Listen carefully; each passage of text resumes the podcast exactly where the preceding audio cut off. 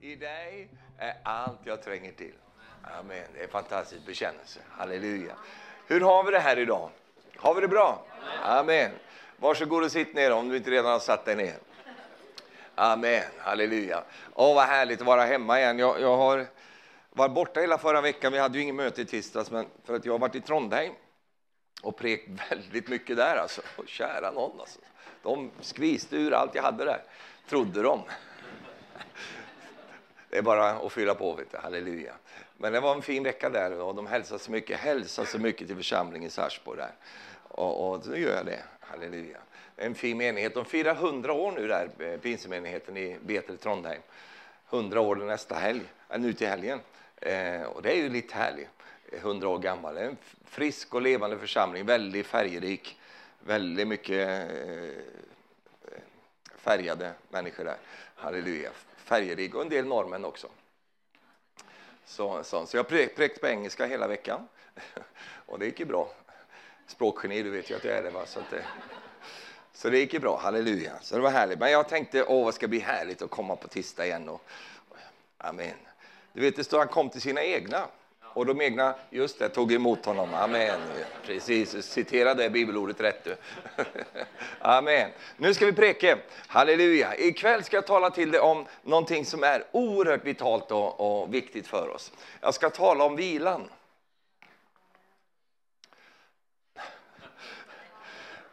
Den vila som finns i Kristus. Eh, den vilan kallas för trons vila.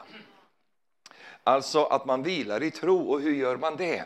Och, eh, och vad händer när vi kan leva i det? Då, då, då är det många ting där som, som ordnar sig när vi kommer till den där platsen som kallas för trons vila. Och Guds ord är väldigt intressant när, när han tar upp detta. Det är Hebreerbrevet som tar upp det här begreppet, trons vila.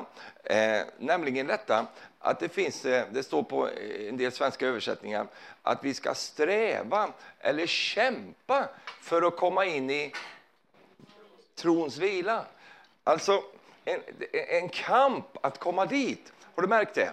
Att ibland så, så, så är det så mycket saker och ting i våra liv som gör att, som förstyrrar oss och som eh, håller på med oss. Så det blir som en kamp att få komma till platsen där jag kan vila. Därför att det är i vilan som Gud kan verka. Och han jobbar med oss för att vi ska komma in i denna trons vila. Så vi får uppleva det, att Gud verkar i våra liv. Du vet, vi människor vi är ju så väldigt flinke. Jag upptäcker att de finns i Rackestad också. Och de finns i Mysen och de finns lite överallt. Jag träffar en del också uppe i Trondheim. Det är flinke folk. Alltså. Väldigt duktiga. Och, och, kan mycket och sliter på mycket och så vidare. Och det är ju inget fel. Eh, det, är, det är fördelaktigt om man är flink. Men du, du känner att ibland kan vår egen duktighet blockera Guds möjligheter. Därför att Gud är inte avhängig av att vi är flinke eller inte flinke. Han är avhängig av att vi lever av tro på vad han har gjort. Det är hans avhängighet, halleluja. Och det är någonting som du och jag måste också lära oss att faktiskt ta ett steg åt sidan ibland för att släppa fram Herren så att Herren kan göra det han önskar att göra för oss. Och då handlar det om att komma in i denna fantastiska vila med sitt liv. Halleluja, amen. Och jag vill hävda med bestämdhet, jag vill hävda här ikväll, nu, nu tar jag stora ord i anspråk här, men det gör ju ingenting för att jag är en stor kille. Eh, jag tar stora ord i anspråk. Ja, hår har jag här också. Det är Marie, vet du. Ja.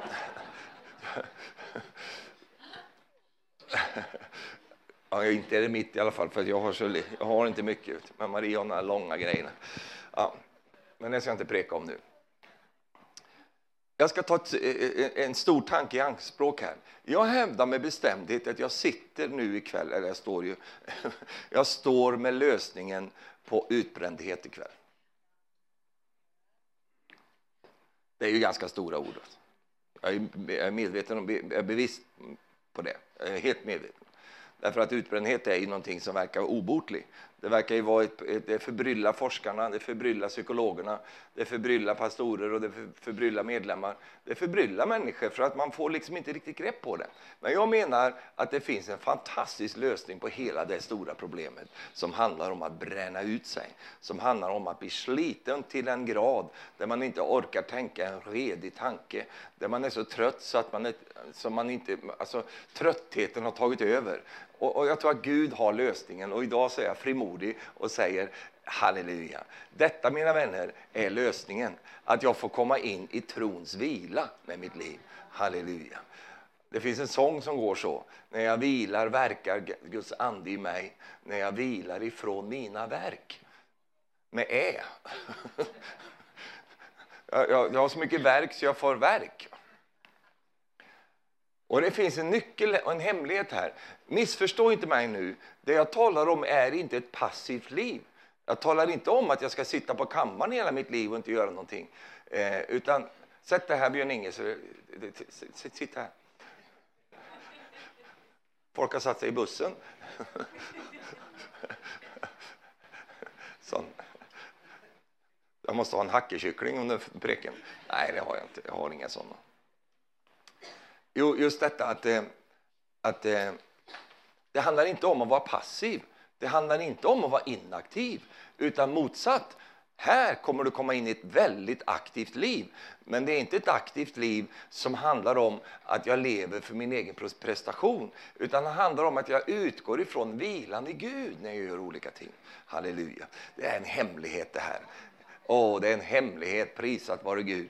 Tänk vad härligt när du känner och upplever att du är inte så sliten så att du knappt orkar tänka två tankar samtidigt. Utan du känner att du har en buffert av energi i ditt liv så du kan fortsätta göra det du ska göra. Amen.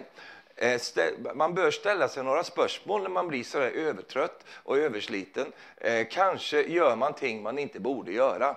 Och kanske gör man ting på ett sätt man inte borde göra det. Men det vill man inte ställa sig sådana spörsmål. Jag var hos läkaren häromdagen, igår faktiskt. jag var inte sjuk, utan jag skulle eh, förnya mitt körkort. Jag har ju så många bokstäver i mitt körkort. Jag har ju alla bokstäverna, hela alfabetet. Jag kan bruka vad jag vill, flyga flygplan och jag kan, nej, det kan jag inte göra. Men, ja, och då måste man ta sån här eh, läkargrej. Så. Eh, så då var jag hos läkaren och så tittade han på mig och så prövade snacka med mig. Och, och då så sa hur mår du Stefan? Det är min läkare jag har haft i många år. Så hur mår du Stefan? Ja, jag mår bra vet du. Jag mår jättebra. För jag har ju legat inne, för jag fick ju såna här skickliga problem för några år sedan. Så han har, vet ju allt det. Så han var lite bekymrad. Så frågade hur mår du? Jag mår jättebra, så. Jag har slutat att spisa socker, så. Så det gjorde en väldig grej för mig. Alltså. Oh, jag mår så bra, vet du. Och då blev han lite sån, ja, sa han det här är ju ingenting vi ska prata om, vi läkare egentligen. Det här med spiserier och såna, eh, vad man äter och sånt. För det, det är problematiskt, känner du, det här med, med att eh, prata om det. För vi, vi ska ju helst inte lyfta fram den sidan. Men eh, det är ju klart att det är sånt, att det man spiser, det har en stor påverkan på en människa. Det säger ju sig självt, sa han. Och då tänkte jag, men jag sa det inte, det borde väl du veta, du som är läkare. Du borde väl fatta det. Men han sa att, att det, det, är, det, är, lite problematiskt det här med de här sakerna. Därför att det är ju sånt, de vill sälja sina mediciner och de vill liksom eh, göra allt det där. Och läkarna hamnar mitt emellan. För de vet ju vissa saker, men, men då har du läkemedelsindustrin som ska eh, profitera på människors eh, eh, dåliga mående. Men eh, varför sa jag allt det där för? Jo, eh, ja, men, då, ja, jag mådde bra i alla fall. Jag vet inte varför jag sa det där. Nej, men då kände ja, håller du på mycket då? Är du aktiv? Ja, väldigt aktiv. Så jag håller på jättemycket, lika mycket som förut. Eh, aha, ja, men det var ju det som gjorde att du blev så dålig förra Nej, det var det inte. Utan nu gör jag det på rätt sätt. Så. Halleluja. För du kan göra samma saker på fel sätt. Och så kan du göra sak lika mycket, fast du gör det på en annan måte. Halleluja. Amen. Kan du säga amen till det? Trons vila. Hebreerbrevet 4, vers 9. Alltså finns det en sabbatsvila kvar för Guds folk. Den som har kommit in i hans vila får vila sig från sina egna gärningar, liksom Gud vilade sig från sina. Det är alltså Hebreerbrevet 4, 9, på vers 11. Låt oss därför ivrigt sträva efter att komma in i den vilan så att ingen kommer på fall som dem och blir ett exempel på olydnad. Vi ser alltså då att det, det, finns en trons vila som man förkunnar här. Det finns en vila i Gud alltså. Och den vilan den, den, den finns tillgänglig för oss eh, och vi kan komma in i den. Det är inte säkert att vi är i den, men vi kan komma in i den. Och vi kommer in i den genom att nummer ett, vi önskar oss det, vi vill det. Nummer två, vi kämpar faktiskt för att få komma in i den. Och vi ska se hur man kämpar eh, lite senare här ikväll. Eh, och sånt. Det finns alltså då en vila. Och som jag sa med stora ord här förut och lite frimodig så sa jag tr trons vila botar all stress. Trons vila botar all stress. Stress är ett otyg i samfundet idag. Stress dödar mer människor än eh, kanske någonting annat idag, för vi har så många möjligheter att leva friska fysiskt sett. Men vi går, vi går under på grund av måten vi lever på. Så stress är ju en faktor i vårt samhälle idag som är med och triggar så många andra saker. Och, och I Guds rike, i Kristus, finns det ingen stress. Bara den tanken är svindlande. Att vi förstår att i Herrens rike så, så, existerar ingen stress. Och det är ju fantastiskt att tänka den tanken att man kan leva ett liv utan att vara präglad, pushad, motiverad eh, och på andra sätt Eh, vara utsatt för stress i livet. Utan man kan faktiskt leva utifrån Guds rikes princip. Det är friden som råder, det är friden som motiverar mig, det är friden som, som är min utgångspunkt. Det är ju fantastiskt, halleluja. Vilket evangelium! Amen. Nu vet ju jag att vi alla stressar ibland, vi blir stressade och sånt. Hur tycker du att du blir när du blir stressad? Tycker du att du, du liksom kommer loss i livet när du blir stressad? Eh, jag säger inte det att du, att du har en, en, känsla av att du är på gång och så. Det är ju härligt.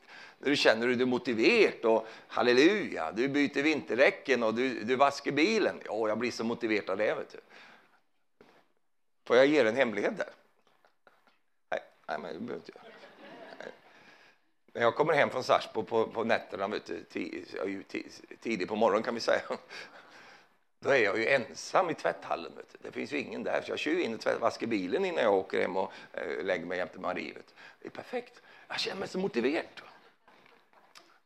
Nej, nej men, men vi... man, man, får ställa en nyvaskad bil utanför huset. Det är ju underbart. Halleluja. Och så tänker jag på vad som har hänt på mötet och jag är så glad liksom och allt vad Gud har gjort. Och sen får man röra på sig lite också. Och sen åker man och lägger sig jämte Marie sen. Halleluja. Jag, kan ju, jag vet att du är så missunderlig på mig. Jag vet, alltså, man kan ju inte ha det bättre än så. Halleluja. Och så vaknar man på morgonen när Marie är som en liten, liten fågel, morgonfågel där. Och Stefan, nu är det kaffe här. Och, och sen så säger hon, jag ser att du har vaskat bilen.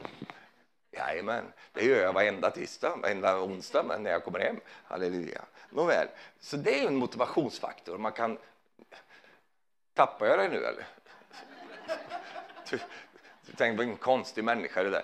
Ja, men du har dina grejer som du tycker är liksom sån. Det, det, det, det adderar saker till dig, ger saker till dig. Det har inte med stress att göra, utan det har ju bara eh, med den, den sidan. Men sen har du den andra sidan och det är den som är så förfärlig, den där som spiser upp dig inifrån och som bara tar energi ifrån dig och som bara lämnar dig som en, liksom en påse nötter. Och, och du känner att du har ingen kraft, ingen styrka. Och ibland det värsta av allt, man vet inte varför man stressar. Man bara kommer in i någonting konstigt. Och det, halleluja, trons vilar botar allt sånt. Amen. Du säger, det låter ju väldigt enkelt. Ja, men du är ju enkel.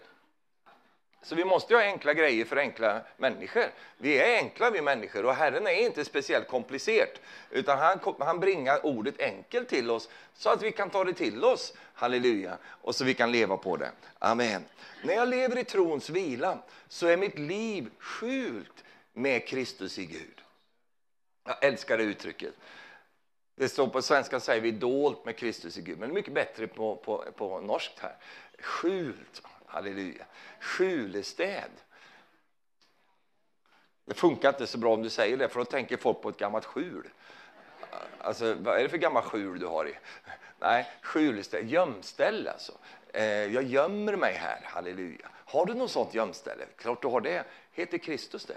Han är ditt skjulestäd. Och när du lever i trons vila får du upptäcka det, att du är inte exponerad. Du vet, det är obehagligt att känna att man är exponerad när man inte vill vara exponerad. Att man känner att man känner sig utsatt. Man känner att oh, det känns som att allting kommer in på mig och, och jag känner mig att oh, jag är exponerad. Men du känner att det finns ett, ett skjulested. Det finns en plats där du inte tränger att känna den känslan att du är exponerad för allting exponerat för, för sjukdomarna, exponerat för, för konflikter, exponerat för den där du vet, eh, som man kan känna ibland. Det, är, eh, eh, det finns en plats för dig och det är att vara i Kristus Jesus. Där är du skjult med honom, halleluja. Du förstår, när du gömmer dig där så hittar inte fienden dig. Han finner dig inte.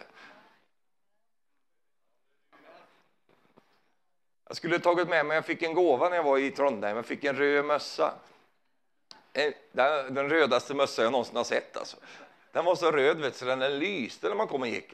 Och det var en, en dam som sa så här, du, du, kan inte gå så här i Trondheim, vet du, du syns ju inte.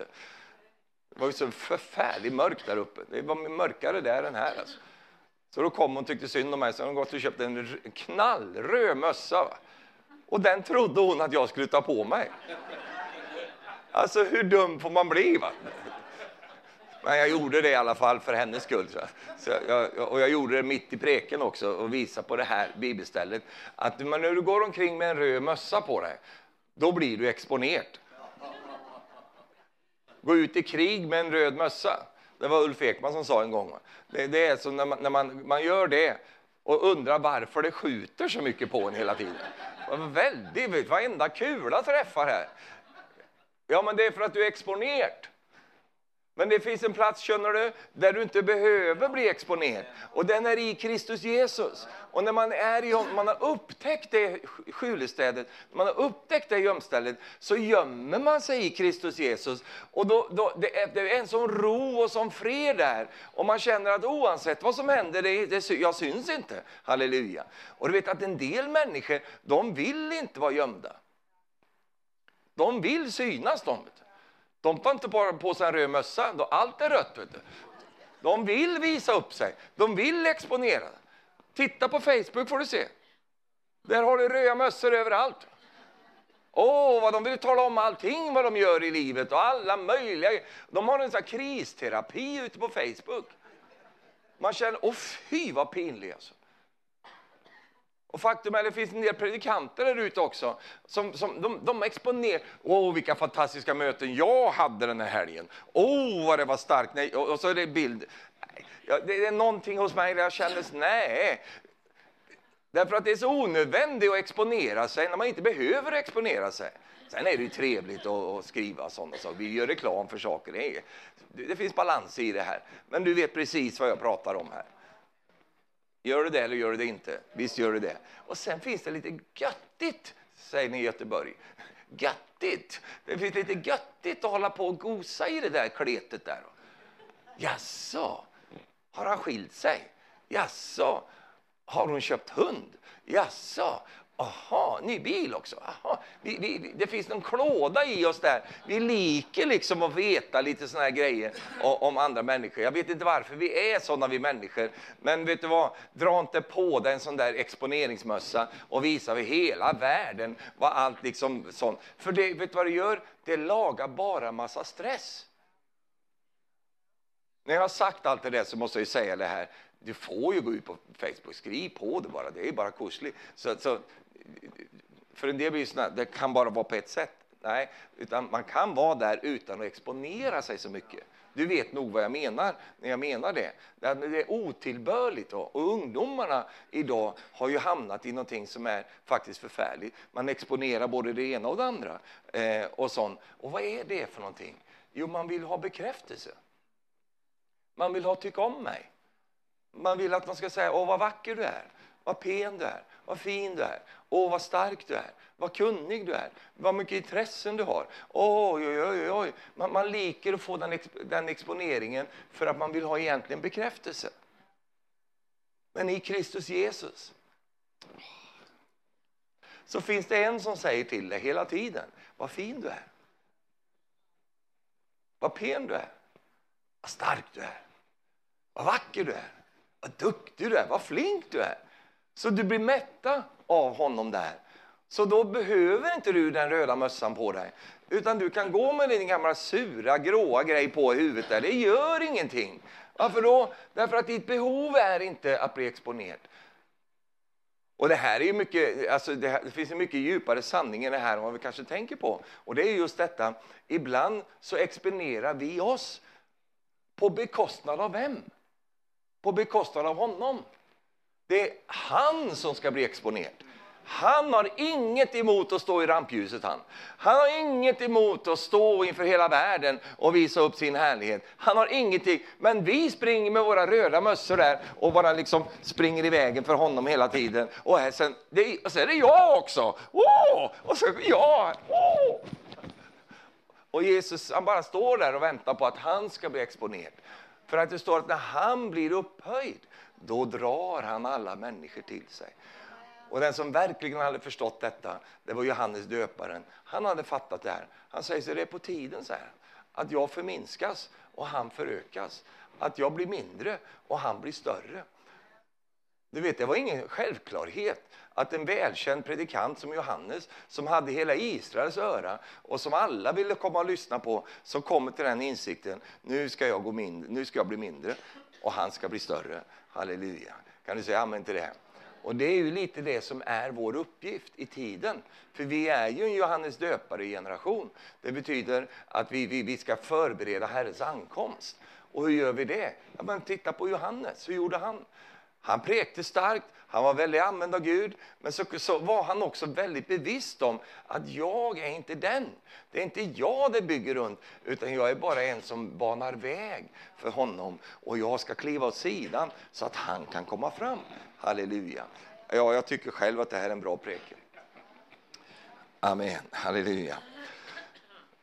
Trons vila, jag kan bara läsa det bibelordet också. Då ni har uppstått med Kristus, det är Kolosserbrevet 3, vers 1 här. Sök då det som är där ovan, där Kristus sitter på Guds högra sida. Tänk på det som är där ovan, inte det som är på jorden. Ty ni har dött och ert liv är dolt med Kristus i Gud, skjult med Kristus i Gud, gömt med Herren i Gud. Halleluja. Kan du säga amen till det? Och trons vila då, den, den kommer alltså till mig när ordet har smält samman med mitt hjärta. Då uppstår denna vila som vi talar om ikväll. Därför att eh, eh, han talade innan här om det här. Och, och om vi går tillbaka till brev 4 så, så ser vi där det står så här i vers 2. Ty evangeliet har predikats för oss liksom för dem.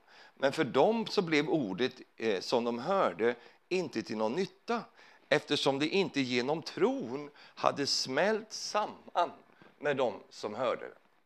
För att det inte hade blivit ett med dem som hörde det. Men jag liker ordet, detta eh, svenska eh, översättning här, där det står att det smälter samman. Alltså, du vet ju själv när du lagar mat, då säger man så här, den här, det, den, det här gifter sig inte. Alltså ibland när du, när du ska hälla i någonting så gifter sig inte ingredienserna med varandra utan separerar istället. Men när det gifter sig med varandra, smälter samman med varandra till en enhet så att det blir ett med de som hade hört det. Det blev ingen nytta för dem, allt det goda de hade hört, därför att de hade hör, inte hört det tillräckligt. De hade inte tagit emot det. Och eftersom de inte hade tagit emot det i sina hjärtan, eh, som det står här, i sina hjärtan eh, hade eh, det hade inte smält samman med de som hade hört det, så blev det, det blev inte till någon nytta.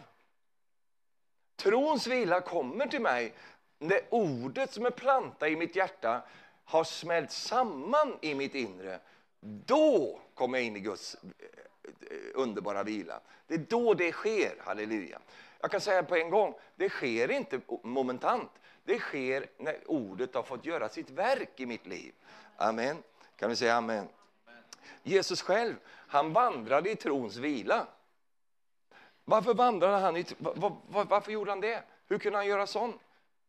Jo, därför att han gjorde bara det, det Fadern gjorde.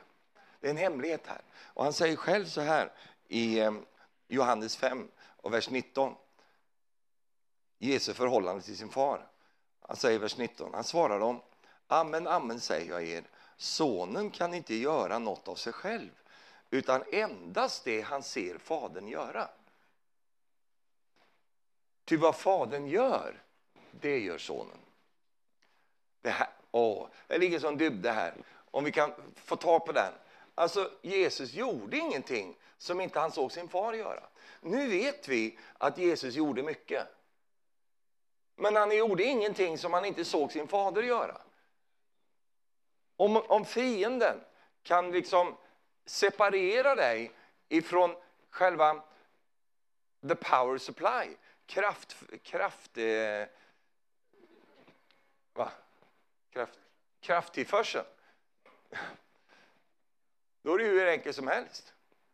Om man kan liksom frikoppla loss kablarna, då hjälper det ju inte att du har allt det andra fina.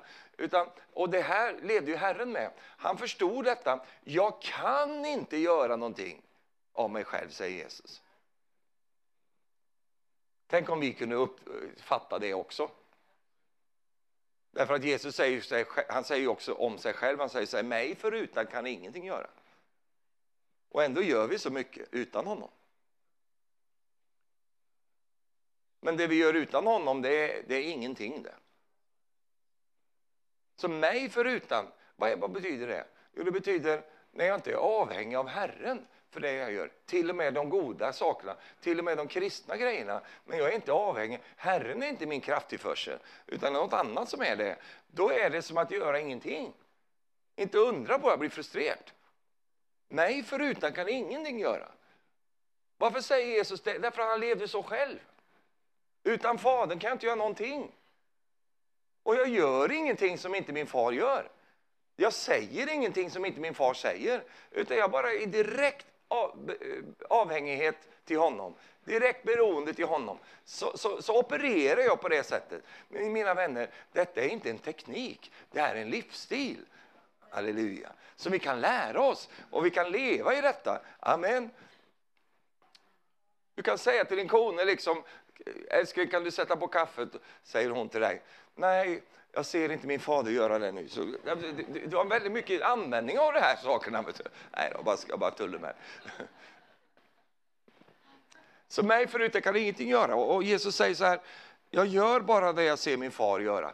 Därför så levde han hela tiden i denna underbara vila.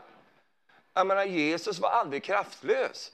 Jesus var aldrig svarslös. Jesus var aldrig utan liksom resurser, han har alltid det som trängdes i alla lägen. Han var inte den trötte. Han är inte känd för att han vandrade trött genom Galileen. Utan det var ju de som följde honom, de var rätt trötta de. Det var de som brukade somna hela tiden. Det var de som alltid var liksom, han fick väcka dem och sånt. Eh, och det är där du och jag kan leva med våra liv oftast. Men Jesus är inte den som är känd för att liksom, åh vad trött jag är idag, jag är så sliten, jag är så jobbig, jag tror jag ska sjukskriva mig. Nej, han höll inte på med det. Han hade mycket kraft alltså. Då säger du, att han var ju Jesus. Det var ju Jesus. Ja, men du hörde här idag när pastor Arne delade de här sakerna. Ja, men han han sa, talar ju detta som en människa. Han levde ju här som ett exempel för dig och mig. Amen. Kan du säga amen till det? Ja. Nåväl, nu har du suttit och väntat på vad jag ska komma in i nu. Jag, jag känner det, vet du. så då kommer jag in i det nu. Hur kommer man in i denna trons vila? Och allt folket sa jippi, äntligen! Ja. Hur kommer jag in i trons vila? Det är, ju ett, det är ju ett väldigt bra spörsmål. Hur många vill vara i trons vila? Vi börjar där då, för att jag vet inte. Ja, ja det är nästan alla av er, en del inte, vill inte vara där. Men, men, men du, du vill vara i trons vila. Amen, det är klart det är så. Hur kommer jag då in i trons vila? Jo, jag har tre grejer här. Nummer ett. Ordet tar sin boning hos oss. Det står ju om Jesus, han kallas för ordet. Och jag vill lyfta in det i den här tanken, alltså Guds ord. Det står i Johannes 1 och vers 14. Och ordet blev människa och bodde bland oss. Alltså det, det, finns ju någonting i den här typen av, av eh, tanke som du, du och jag kan ha med oss. Alltså, hur är det med din kone då? Eller din man? Hur, på vilket sätt res, residerar han hem, hemma hos dig? Jo, han bor. Han bor där. Det, det borde han göra i alla fall. ja, men det, det, det, alltså, Om du tänker relationer som man har. Va? I början så dejtar man ju. Och sen så tar man ett steg till. Och, och jag känner det, jag vill skicka med den hälsningen här till, till, till någon här idag. Alltså, Jesus är inte så intresserad att gå på dejt med dig i all evighet. Han vill bo hos dig. En del dejtar Jesus. Vi kallar det, och sen, så kan man ha olika typer av förhållanden. En del lever i ett förhållande, det är lite populärt i Sverige, särbo. Man har en särborelation. Man bor på två olika ställen men ändå är man lite samman. Så man särbo, det tycker en del är väldigt trevligt för då, då, då har man själv valt i vilken portion som man vill ha en relation. Men det kan jag säga dig direkt, det funkar inte med Herren. Någon särborelation. Och sen har vi de som har en sån här på och av-relation. Det är på ibland, sen är det av, och sen är det på, och sen är det av. Sånt, eh, men det är inte heller speciellt, det här är inte intresserat av det heller. Utan det står att ordet bodde ibland oss. Och det är lite sån, eh, man märker när någon bor hemma hos en.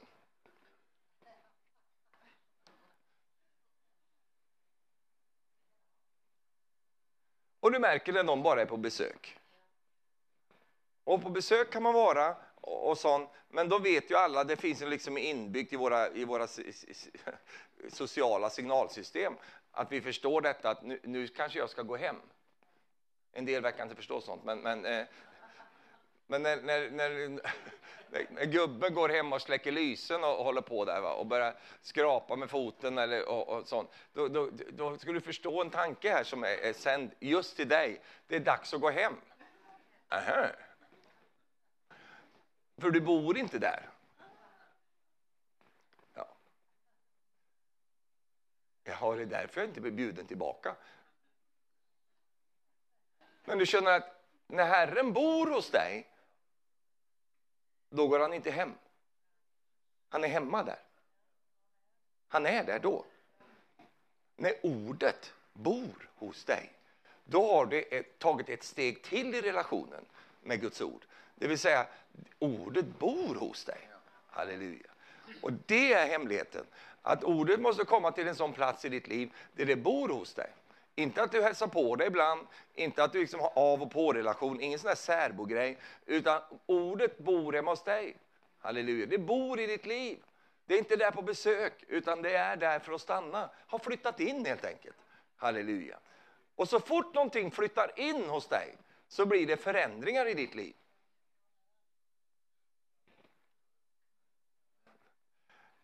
Jag vet inte om du huskar när du gifte dig. Nej, det var länge sedan. Du huskar när du gifte dig. Då, kom ju, då hade du liksom någon gammal pinsoffa som du hade, hade liksom från din bäste far och, och någon liten resväska med inget i. Och, och, sån. och så kom hon med hela sitt entourage. Va? Och hon hade arvegods med sig vet du, och kom in med tunga ekmöbler och grejer och, och släpade in där. Va? Så hon, hon liksom, eh, jag bara säger gratulerar. Va? Hon hade något med sig. Ehm, förr kallade man brudkistan, liksom. hon hade med sig massa grejer, olika saker. Linnen som hon hade sparat sedan hon var tre år gammal och tills hon skulle ha med sig. Du har inte sparat någonting, du, du hade en gammal moped som du körde in där och ställde i, i förrådet. Och, och, och, ja, du vet hur det var. Men man kan säga så här, man säger hon, eller du då, det blev förändringar när någon flyttar in. Och när ordet tar plats i mitt liv på ett sådant sätt att det, att det börjar bo hos mig, ja men då flytta på lite bilder här och nu ska jag på den här bilden här och, och det blir förändringar helt plötsligt. Va? Halleluja, kan du säga halleluja? Det är därför en del människor aldrig kommer till den punkten. För de tycker det är kul när ordet är på besök. Och för att sen kan de återgå till sina liv och leva som de alltid har gjort. Men det är inte Herren intresserad utav. Han vill bo där. Halleluja. Så det är nummer ett. Nummer två, vad sker mer med ordet då? Allt handlar om ordet nu. Nummer ett, ordet bor hos dig. Nummer två, vi behåller ordet i våra hjärtan.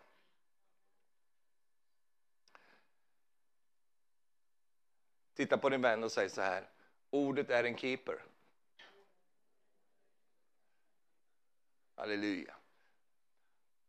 Och här talar ju Jesus väldigt fint om detta på många ställen. Man, vi kan bara ta här i, i Lukas 8, i vers 11. så talar Jesus om liknelsen om de fyrahanda sädesåkrarna. Och eh, den här har du hört många gånger förut, så tittar vi på den igen.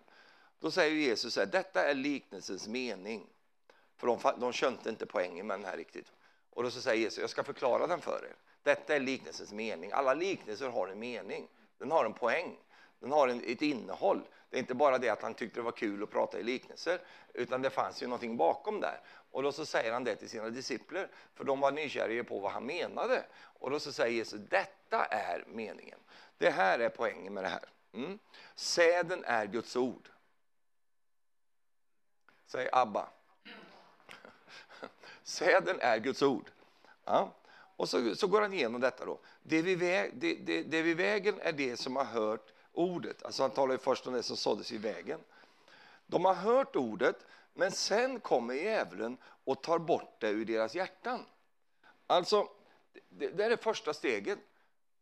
Det är människor, de har hört ordet, men momentant, på en gång, så kommer fienden och bara river undan ordet som såddes.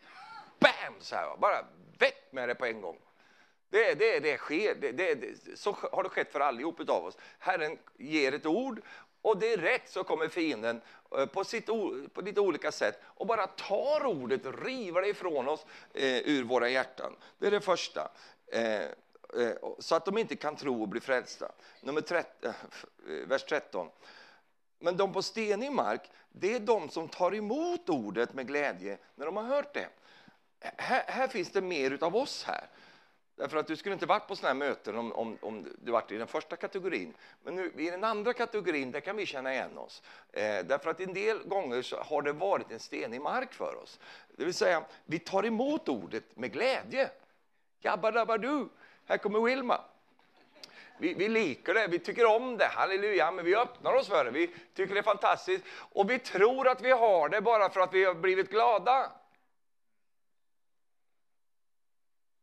Ja, nu har jag, amen, halleluja. Men det står så här. De tror bara en tid. För att det har ingen rot i sig.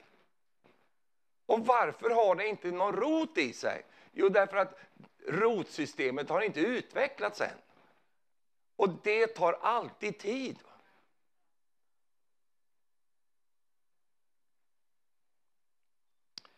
De tror bara till en tid, står det och i frestelsens stund så kommer de på fall.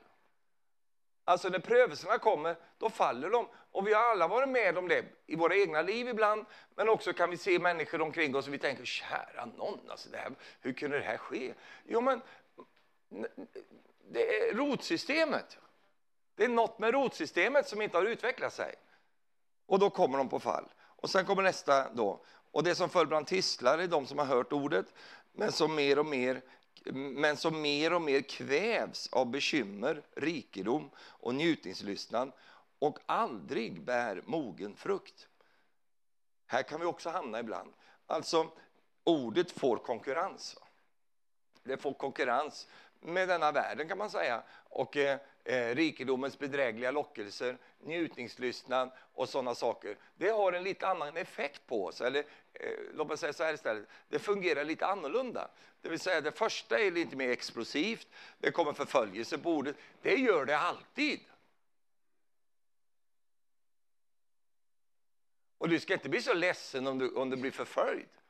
Det är ju, det är ju positivt.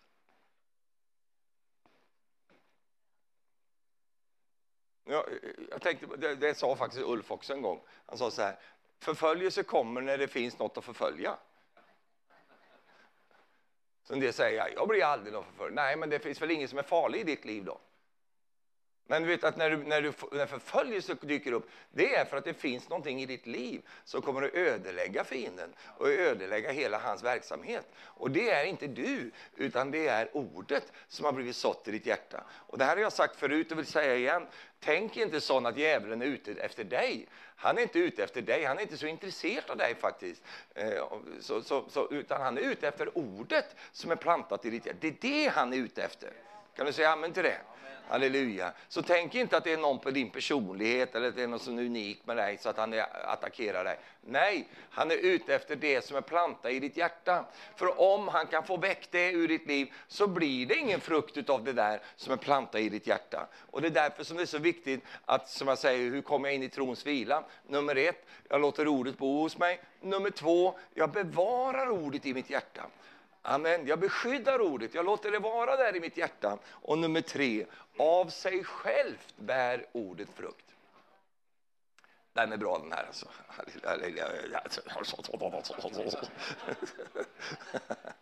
I Markus 4, vers 26. Då, då, har han en annan liknelse här om den växande säden. I vers 26 står det så här. Guds rike är lik en man som sår säd i jorden. Han sover och stiger upp. Natt följer på dag och säden kommer upp och skjuter i höjden. Han vet själv inte hur. Det här, jag, bara, jag njuter när jag läser det här. För om du ska försöka förstå dig på hur det här fungerar, så glöm det. För vi vet inte hur. Men det är inte jätteviktigt. Därför att det är andra saker som du ska veta. Och det är de sakerna vi talar om ikväll. Han vet själv inte hur. Och så vers 28. Av sig själv ger jorden frukt. Först strå, sedan ax och därefter fullmoget vete. Så du ser att det, det är växt här. Amen. Och när grödan är mogen så räcker han genast skäran eftersom skördetiden är inne. Alltså den här är väldigt intressant. Alltså, vad händer? Jo, jag jag låter ordet bo i mitt hjärta. Jag bevarar det i mitt hjärta genom att jag, jag, jag, jag läste inte färdigt här, tror jag inte. Det första. Men det som följer i god jord, det är tillbaka till det förra bibelordet. Följer god jord är de som har hört ordet och behåller det.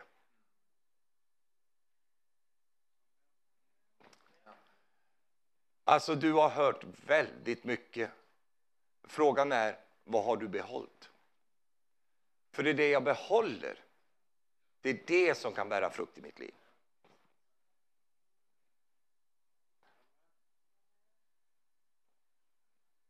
Halleluja. Hört ordet, behåller det. Var då någonstans? I ett uppriktigt och gott hjärta och bär frukt och är uthålliga. Där har du det. Halleluja. Titta på vännen din som sitter jämte dig och säger det tar tid det här. Det gör den här preken också. Det tar tid. Och det är därför så stressade människor aldrig kommer in i det här. De kommer aldrig in i det. Och det är därför så måste jag ju bearbeta det här på något sätt så att jag kan komma till den där eh, platsen i mitt liv där jag samarbetar med Guds vägar och Guds sätt. Men du säger, men jag har inte tid med det Stefan. Jag har inte tid, det är mycket, jag har panik här, det är massa som måste ske i mitt liv. Som om du skulle kunna ändra hur Gud funkar. Alltså om katten inte liker att bli klappad mothårs så får ju katten vända på sig så blir det ju rätt håll. Ja, just det.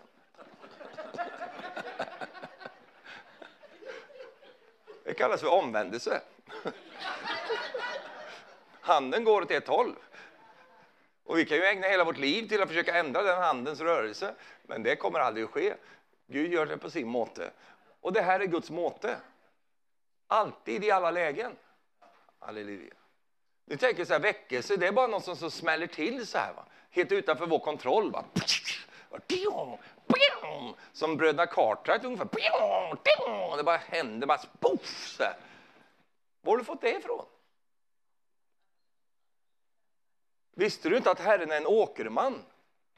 Det står att Herren är en åkerman, en bonde alltså. Han väntar på jordens dyrbara skörd.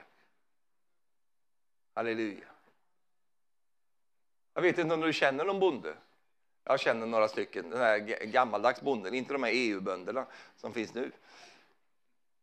Vet du, det är synd om bönderna, de får inte vara bönder längre i Sverige alltså.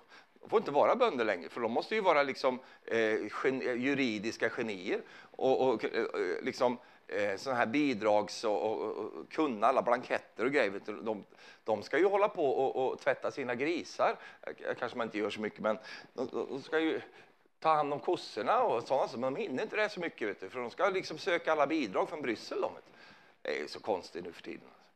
Men om du träffat en riktigt hedlig gammaldags bonde, men som har ett grästrå i munnen så här, så sitter ut över ängen så här. Det är inte mycket stress där inte. Han kliar sig i huvudet lite grann så här. Så, ja, jo. Han vet att jag kan ju inte göra något ändå. Det enda jag kan göra är att stoppa ner säden i jorden och så be en bön till Herren. Och sen så får jag bara vänta helt enkelt. Det går inte att våldföra sig på det här. Den är bara, och därför så har han på något sätt, kanske i generationer, lärt sig att det, det, är ingen idé att stressa upp sig här nu, därför att det blir vad det blir. Va? Kan du säga amen till det? Ja.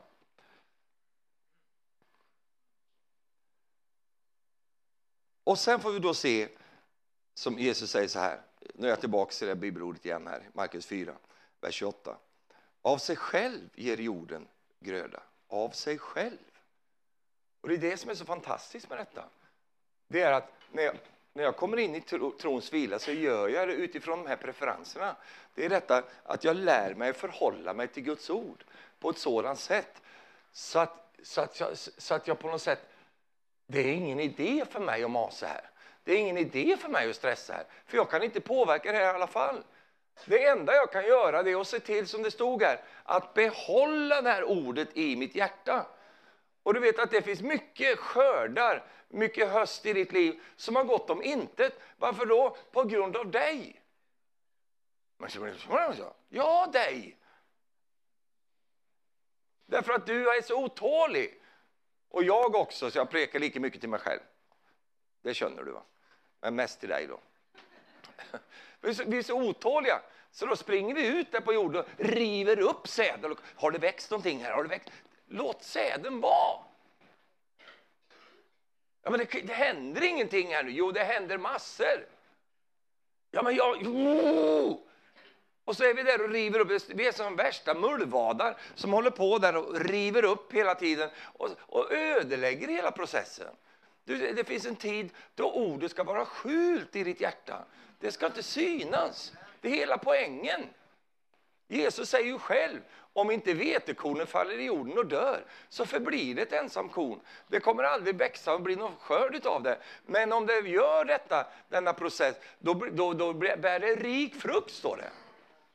Och jag tror vänner, ja, det, det, måste vi ändå hålla med om, vi är ju frälsta människor här. Det är inget fel på säden, det är inget fel på jorden, eh, det, är inget fel på ordet. Ordet bär frukt. Frågan är, låter vi ordet vara det det ska vara? Så att det får bära frukt av sig självt. Eller håller vi på liksom och river upp det där och, och sånt?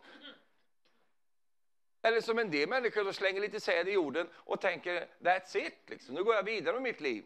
Så kan en bonde aldrig göra. Han kan inte bara liksom slänga ner säd i jorden, utan han, han är där. Och han, han liksom vakar över, han plockar lite tistlar och sånt där. Och han, han liksom går runt det där. För han vet att jag måste beskydda det här nu som har blivit sått här. Se till att inte hararna kommer och rådjuren och allt vad det nu kan vara. Utan eh, ordna med de sakerna där, så att ordet får växa i fred. Kan du säga amen till det? Halleluja. Och det är därför som det är så underbart att när vi kommer till den här platsen, när vi inser de här sakerna, då landar vi också i denna vila. Därför att vi vet att jag kan inte påverka det här. Det är bara att för mig att förhålla mig till det utifrån att jag vet vad ordet representerar. Ordet bär frukt i mitt liv, alltid, om det får vara kvar. Halleluja. Om det får vara där i ditt liv och du beskyddar och bevarar det. Ja, men eh, nej, ska det... Nej, Ja, då kommer jag till då, symptom. Jag har några symptom här, fem stycken. Symptom på att ordet inte har verkat färdigt i ditt liv. Vill du höra det? Symptom nummer ett, stress. Om stress är en faktor i ditt liv så betyder det bara ordet har inte fått göra sitt verk färdigt i ditt liv. As simple as that. Så enkelt som det. Om du känner att det, det, det kliar så mycket i dig och du sliter ut skorna inifrån. Känn efter nu med stortån om det här stora gröper där. Va? Då, då, då talar jag till dig. Ja, du är stressad. Va? Stressad. Och, och vad vi inte alltid tänker på det är det att vi vill ha ett bönesvar. Herren vill ge dig en förvandling.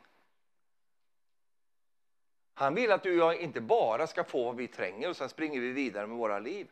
Utan han vill ju hjälpa oss att leva ett liv som, som är som hans liv. Amen. Då hjälper han mig att, att, att komma igenom på det här området. Så stressen då, det är ett symptom på att ordet inte har fått göra sitt jobb än.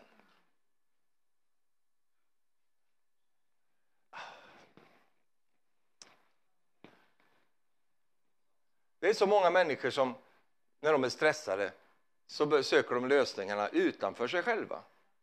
Ah, det är så, jag har så ett jobbigt jobb. Jag har så jobbig fru.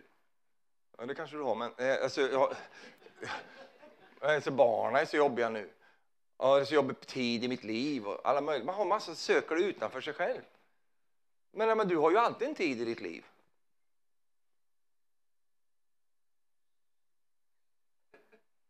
Det är alltid någonting som förstyrrar. Ja, det är därför jag är så stressad, förstår ni. Du var stressad när barnen var hemma. Och nu är du stressad när de är borta.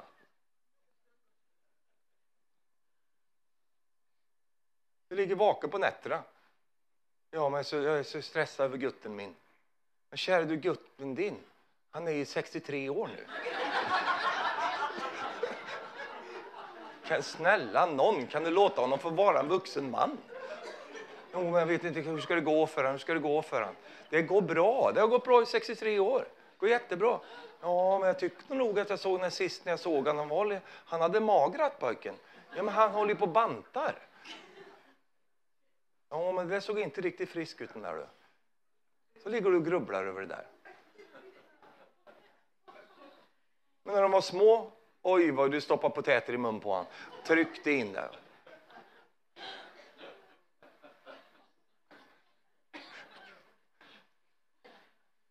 Och så masar vi och så stressar vi och så håller vi på.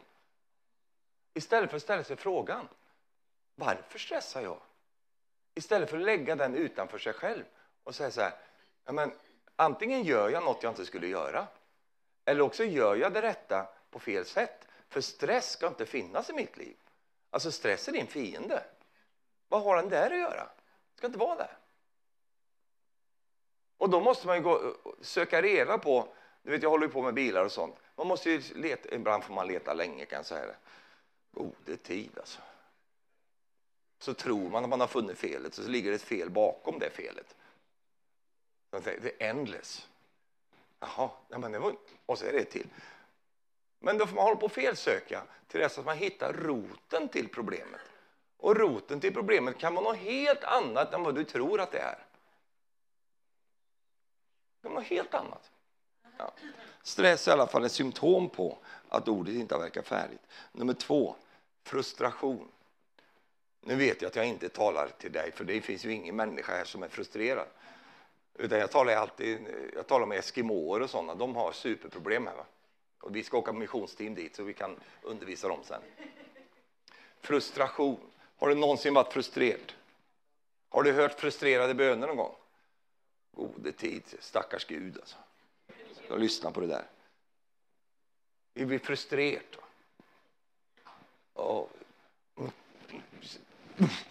Frustrerad. Har du haft en frustrerad gubbe någon gång? Ja.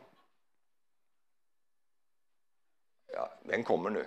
Har du haft en frustrerad kone? Det går alltid åt två håll. Du är frustrerad. Det är inte kul. Det är inte kul för dig att vara frustrerad. Det är inte kul för dem som du har runt dig heller. Frustrerade människor. Och ibland så ska vi då andliggöra allt det här också. Det är en kamp. Det är en kamp. Det är ingen kamp. Du är bara frustrerad. Och då är spörsmålet återigen, varför är jag frustrerad? Jo, men det händer inte fort nog. Eller det händer för fort nog nu. För när det är skördetid, vet du, då händer ju allt på en gång, tror man. Men det har ju hänt långt innan. Frustration är inget tecken på att anden är i verksamhet. Har du någonsin hört om frustrationens nådegåva? Den finns inte. Frustration är köttets gärningar. Jag blir frustrerad över saker och ting. Och, och, och då, då, är det också väldigt bra att inte lägga det hos, hos andra, som Adam gjorde. Kvinnan du gav mig, här har du det. Nej, utan även om kvinnan du gav mig gör mig galen så behöver jag ändå inte bli frustrerad. Varför blir jag frustrerad för? Och dras med i massa saker? Nej! Vad är det för symptom? Det är att ordet inte har verkat färdigt i mitt liv. Nummer tre, irritation. Jag blir så irriterad. Jo, det är det du blir. Det. Jag blir så irriterad. Nu, nu har ju du tagit på den här kristna looken här ikväll. Alltså, du sitter, ser så from ut och så fin ut. Men jag kan din sort, ja. Att ibland, hur vet du sånt här Stefan? Är du profet? Nej, jag är människa och jag är precis som du. Jag blir också väldigt irriterad ibland. Jag kan bli så irriterad! När folk kör, de kör så sakta här i Norge. Käre Gud alltså. Alltså de brukar en, en promille av bilens förmåga. Och sen är det som man känner att när man sitter och kokar där inne i bilen, då är det så då kör de ännu saktare bara för det. Du säger Stefan, när, när hände detta sist? Det hände när jag var på väg hit. Jag kom bakom en som inte, så han hade någon liten, jag vet inte, han hade någon ceremoni där vid rundkörningen. Att han skulle göra någon religiös handling. För det tog så väldigt tid innan han äntligen körde ut sin bil där. Och då blev jag vadå? Irriterad. Och det är väl en ting att det är liksom, vi, vi blir lite irriterade ibland. Men om jag på, på liksom en, en daglig basis, att det är liksom ett liv som, att jag är irriterad på allting som rör på sig. Jag är irriterad på mig själv, irriterad på min kone, irriterad på min arbetsgivare, irriterad på mina arbetare, irriterad i menigheten, irriterad på, på postkassa, irriterad på mejlen, irriterad på NAV, irriterad på, ja, Gud. Jag blir irriterad på allting till slut. Va? Och vad är det för symptom? Det är inget, inget symptom, det är symptom. Det är inget symptom. Det är Herrens vrede. Amen. Halleluja. Det är inte Herrens vrede, det är bara kött. Bara kött. Jo, men Herren har också en vrede.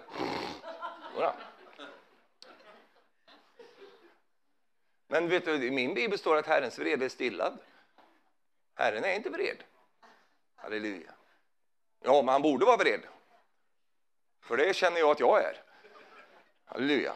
Men. Och så, alltså, en irritabel människa är vansklig att leva med. Du får gå som på nålar runt en sån människa så att jag inte säger fel sak nu. Så att jag gör, gör fel sak. Och, tysta nu barn, pappa har hodepine. Tyst nu. Så ingenting, inte ett ljud. Väck honom inte för Guds skull, han har äntligen somnat. Underbart, det är så fint och underbart när han ligger och sover nu. Åh, vad skönt. Väck honom inte. Det, det här låter humoristiskt, men jag vet att det finns människor som vuxit upp med sånt här. En lynnig gubbe som går där hemma och är irriterad över allting. Vem har ställt det där där?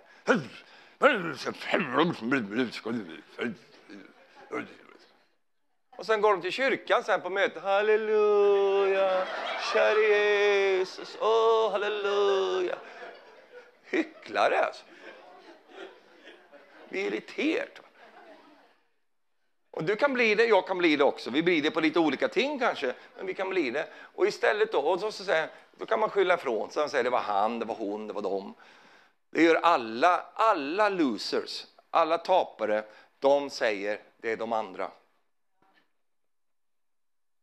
Och det har jag inte fått själv det där, utan jag pratar med en som är expert på att jobba med institutioner människor som sitter på institution, sådana som aldrig kommer ut, alltid, går, alltid hamnar, kommer aldrig vidare. Och jag frågar henne, vad är, alltså, vad är det du ser där? Vad, Kan du bara förklara för mig var, varför de inte kommer? Och jag har bara ett enkelt svar sån, efter ett helt yrkesliv med, med de här sakerna. Så, jo, jag kan säga vad det är för någonting. De andra. Det är alltid de andra. Det är min uppväxt, det är mina föräldrar, det, det, det är NAV, det är eh, myndigheterna, det är det, det är alltid de andra. Och så länge det alltid ligger där så får jag aldrig kraft att bryta igenom. Det är alltid så. De andra kan ha ställt till det hur mycket som helst, men de andra är inte du. Du har ditt liv. Kan du säga amen? Och hur dålig du än har blivit behandlad så, så kan man inte lägga det där. Utan man får, bara, man får lägga hos, inte, behöver inte lägga det hos sig själv heller, utan bara inse detta att det finns ting där som jag kan göra. Men det, det, det, det, det fanns från första början. Kvinnan, ormen. Se själv. Så fort det kommer en orm vill jag spisa frukt. Jag tänker på frukt direkt när jag ser en orm. Det fattar du för själv. Har du någonsin blivit sugen på en frukt när du tittar på en orm? Du är inte sugen på någonting när du tittar på en orm. Och så står han gubben där i hagen, han står och bara tittar på när allt händer. Ja, så Eva, du spiser. Mm, var det gött? Ska han ha lite också? Kvinnan, titta här. Du drog ut henne ur mitt reben. Vad ska du in där och göra?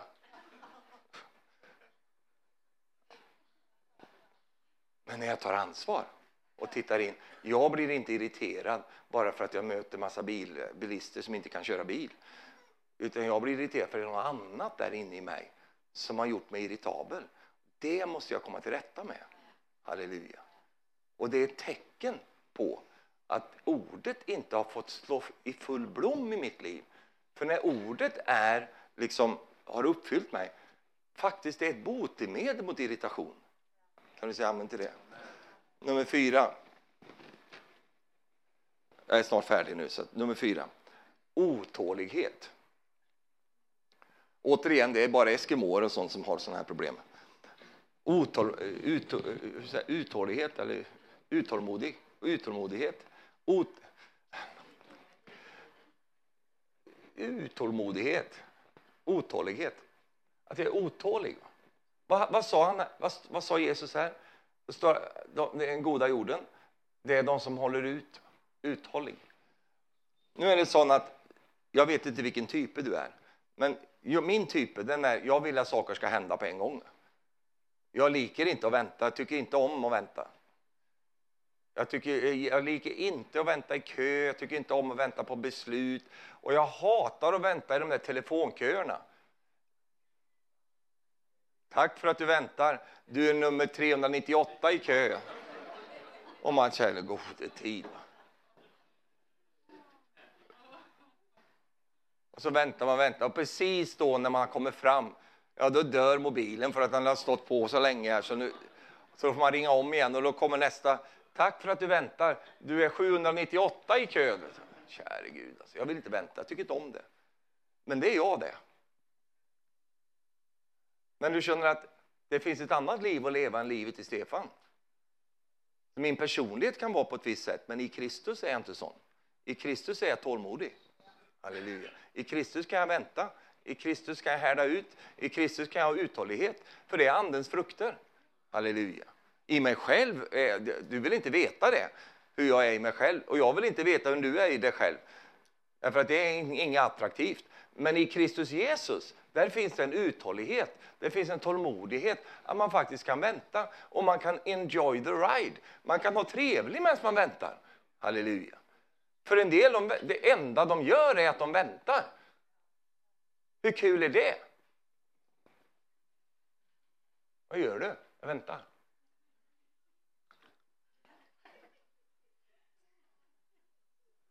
Nej, det finns något som man kan kalla för aktiv väntan. Jag väntar med förväntan. Halleluja. Och då har jag det morro medan jag väntar. Och du, vi har ju prekt mycket om det här, så du kan säga så här. Alltså det är okej att vänta när du vet att du redan har det. Det är inga problem det, vet du. Jag har det redan. Du kan vänta. Amen. Och ibland får man slå sig själv lite här. Kan vi göra det nu?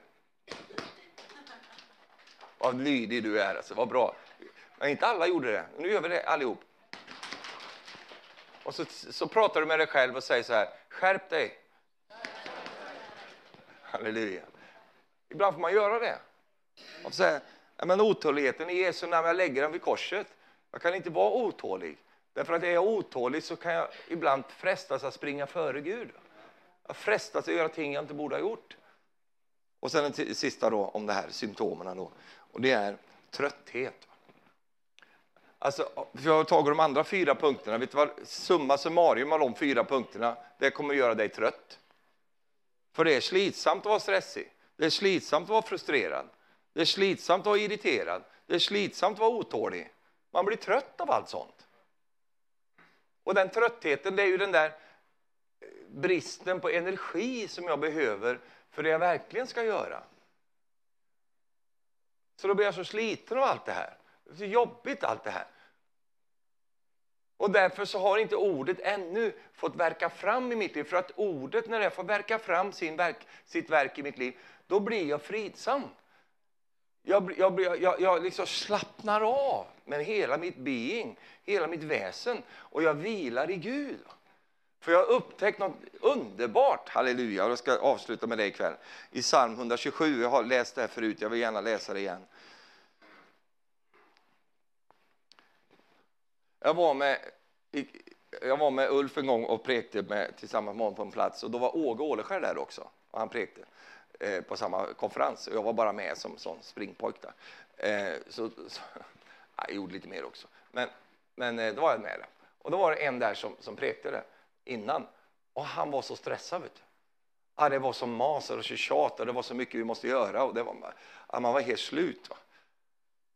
Och Ulf bara tittade på mig. Han, jag märkte att Oh, det, var, det var ett jobbigt möte. Alltså. Och sen mötet efter så kommer Åge. Och så prek, vi känner ju broder Åge. Så kom han och prekte och då prekte han från den här bibelversen där det står så här. Om inte Herren bygger huset så är arbetarnas möda förgäves. Om inte Herren bevarar staden så vakar väktaren förgäves. Förgäves stiger ni tidigt upp och går sent till vila för att äta det bröd ni har slitit för. Det ger han åt sina vänner medan de sover. Halleluja. Så präkte han en preken om det. Va? Eh, och, och jag, jag, det, var, det, var, så betjänande, därför att det var en exposé över olika sätt att vara på. Och just detta, det är inte det att vi är lata, det är inte det att vi liksom inte gör någonting, utan det är det att vi gör saker på ett sätt som har med vilan att göra. Halleluja inte det att vi inte ska göra något. Vi ska göra massor av grejer och vi gör det också. Men vi gör det med en vilande hållning. Halleluja. Jag sa halleluja. Amen. Och, och detta är så underbart. Att Gud faktiskt, han kan ge dig mycket när du sover. Alltså. Därför att det är mycket som bara... Vad hände med Adam när han tog sig en tupplur? Jo, han vaknade upp och där står en Eva och tittar på honom. Det var ganska effektivt sovande där. Vet du. Amen.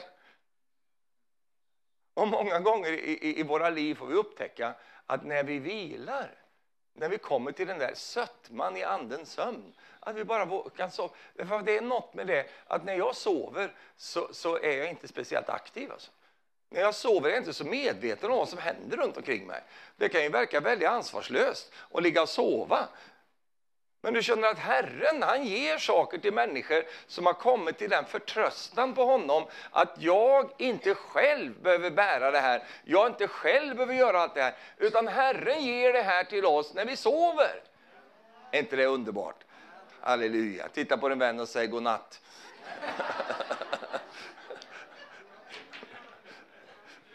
Halleluja. Amen. Och då är det alltid någon vän av ordning som säger, ja men Jesus sa att vi skulle vaka och bedja. Ja men det sa han också. Och det kan jag preka om någon annan gång, men ikväll så prekar jag om att det är dags att sova. Och få uppleva den sötman i att när jag vilar bort ifrån mina egna försök att få till det här. Jag kan bara slappna av, halleluja, och låta Herren göra sitt jobb. Alltså det här är en sån hemlighet och jag tror vi hela livet får lära oss detta gång på gång på gång. För vi har ju den där ettriga lilla gärningsmotorn i oss som så alltid ska upp och försöka ta Jesu plats. Men du vet att vi får ta väck den och ett väldigt bra sätt att göra det på, det är bara kliva rätt in i vilan, halleluja. Och bara känna detta att Herren är den som gör det här. Halleluja. Kan du säga amen till det? Oh. Och jag tror av hela mitt hjärta att detta, vänner, det är botemedlet mot all stress. Det är botemedlet. Halleluja. Jag vet att psykologer har alla möjliga idéer om det här, för de inte vet bättre. Men eh, detta är botemedlet. Det är att få Guds ord på plats i vårt liv och att det får vara den faktorn som, som, som gör att vi kan komma till denna underbara, härliga vila tillsammans med Herren och känna detta att jag kan till och med sova och Herren är fullt aktiv. Halleluja. Amen. Tack Jesus. Ska vi stå upp tillsammans? Tog du emot ordet ikväll? Amen. Ska du behålla det? Ja. Amen. Tack Jesus. Halleluja. Prisat vare Gud. Halleluja. Kalabashandololoria, alosi, kendi, resi, Keia. Obra kashi Obrakashi, Kirialandoloria. Jag ska inte ta fram det nu, men jag ska nämna de här igen, de här olika sakerna. För det kan vara människor som är där nu. Du är stressad, du är frustrerad, du är irriterad och vad var det mer för något? Trött. och, och, och, och otålig. Du har de här, någon av de här kanske i ditt liv. Och det där oh, det är bara det är som drive där på insidan. Och eh, låt mig säga så här då. När du gav efter för den där stressen och gav efter för den där, var tog den dig någonstans? Var tog irritationen dig någonstans? Var tog frustreringen dig någonstans? Var tog det här, de här tingen, var tog otåligheten dig någonstans? Hur många gånger precis, alltså, vi vill så rätt, men vi har inte kommit in i vilan. Så vad händer? Jo, vi tar, vi tar kött till arm, som det står. Att vi själva försöker få till detta, själva löser detta. Abraham var där, eh, det är väldigt vanligt, vi, vi alla har varit där. Och så går vi lite före. Du vet att om du har legat i militären så får du en stor del av träningen i militären. Det är att man får lära sig att gå i takt. Det är som en mamma som stod och tittade på, tittade på sin gutt när han gick i marschera tillsammans med de andra. Och så gick och sa han, ja vilken gutt jag har. Han är den enda som går i takt här.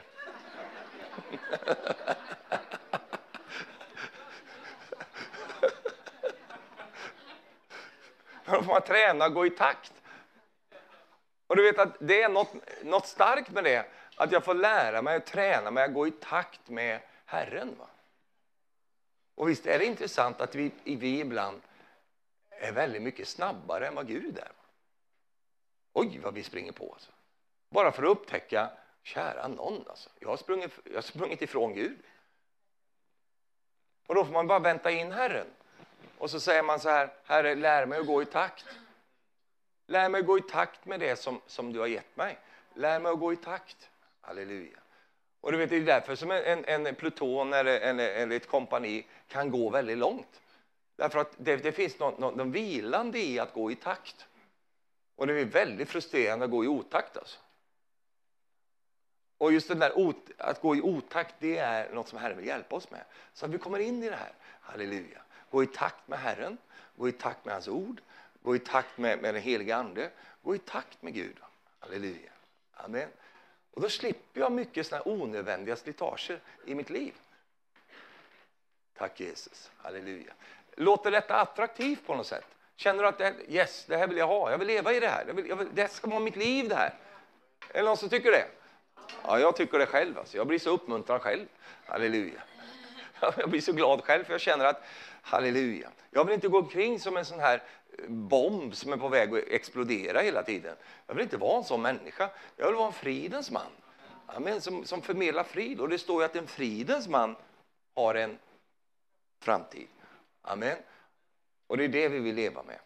Prisat vara Herrens namn. Så vi känner detta då, att det finns de där sakerna i ditt liv och, och sånt. Och då är det viktigt också, eftersom vi förkunnar den förkunnelsen, att du behöver inte helt plötsligt börja säga åh det är så fel på mig, jag gör så mycket fel. Det är inte det det handlar om. Det är rätt med dig. Det är inget fel på dig. Det är rätt med dig. Men det kan vara så att vi gör, vi gör fel i rättet samt, ibland. Även om det är rätt med dig så kan man ändå hitta en måte att göra det på som inte sliter ner dig. Halleluja. Amen. Utan istället ger dig ny energi och ny kraft. Amen. Jag vill leva mina dagar, det vill du också. Jag vill leva mina dagar så jag har vad som trängs för att hjälpa någon människa som, som behöver mig där och då. Jag vill inte vara helt utsliten. Jag vill inte vara sån som säger nej, nej, nej, nej, nej, nej gå, ducka, vi är inte hemma. Jag vill vara sån att jag har överskott. Så säger jag välkommen du också, för kom in här. Vad vill du prata om? Halleluja. Amen. Och det är möjligt att leva på det sättet. Karabashondelikeia. Kan du göra så här nu?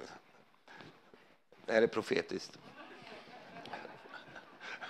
Det är bara pastor Arne som lyder mig. Och Hilde där, hon körde igång där nere också. Hon liker det där. Halleluja. Ja, just det, kan du komma? Nu ska vi lägga vid Herrens underbara altare, ska vi lägga ner. Det, det, det, det som, om du är irriterad i ditt liv, du är så irriterad, du kan vara irriterad på någon människa, du kan vara irriterad på processerna, du kan vara irriterad på allt möjligt. Du ska lägga den vid Herrens fötter nu. Bara lägg ner den nu. Halleluja. Det är inte värt det. Det är inte värt. Vill bara lägga ner det. Halleluja. Amen. Finns det någon här, du blev irriterad idag. Jag har ju precis vittnat själv nu. Du var så irriterad på några grejer idag. Får jag se en, en ärlig hand här? Ja, nu kommer de. Halleluja. Och det betyder ingenting annat än att du är människa och lever i den här världen och, och vi möter de här sakerna. Eh, finns det någon som har upplevt att det finns en sån, en sån frustration på insidan av dig? Du är så frustrerad, du bara går igång så här i ditt liv. Håll din hand upp om det är på det sättet. Ja. Och finns det någon som upplever att det, att det är liksom, att jag irriterad sa jag, att den där stressen hugger till så här rätt vad det är. Du blir så stressad eh, över olika ting här i ditt liv. Du känner det där. Får jag se din hand också? Ja, men det kommer lite olika här. Det är bra. Halleluja. Amen. Och det blir vi alla ibland. Men eh, det ska inte förbli på det sättet. Utan vi, för, för vi tenderar då, när vi är på det sättet, vad vi gör utan att vi tänker på det, det är att vi vi är där och, och, och rotar i, i säden. Va? Vi rotar i ordet som har blivit plantat med vår otålighet och med vår stress och allt det där. Och då, därför så i Jesu namn så ska vi bara låt ordet vara i fred. Amen. Halleluja. Låt det få vara i fred. Amen. Tack Jesus. Halleluja. Herre, du ser alla de som lyfter sina händer här nu. Herre, du ser var och en, Herre, och vad det är de fightas med. Vad det är som sliter och, och river nu, Herre. Herre, jag tackar dig för att vi får komma till en plats av din underbara vila, Herre.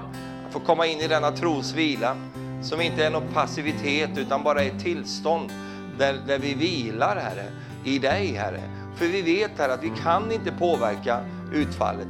Vi kan inte påverka vissa ting. Det har sin gång och vi får bara lära oss att leva med det, Herre.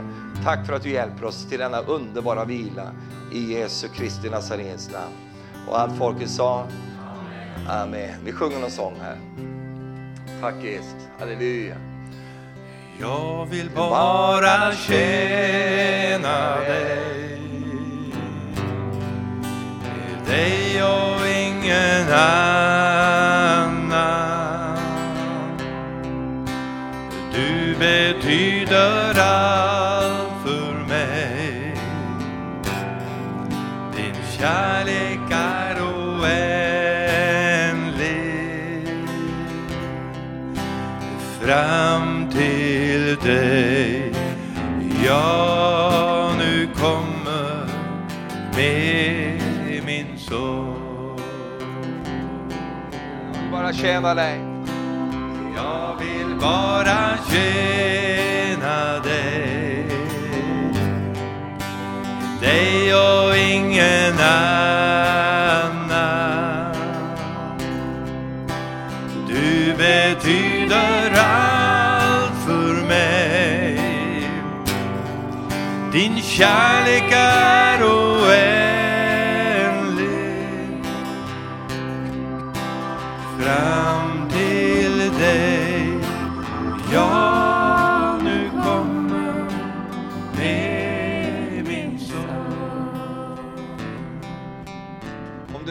ikväll och du tränger förbön. Du tränger att eh, få förbön. Du har kommit också för att få det.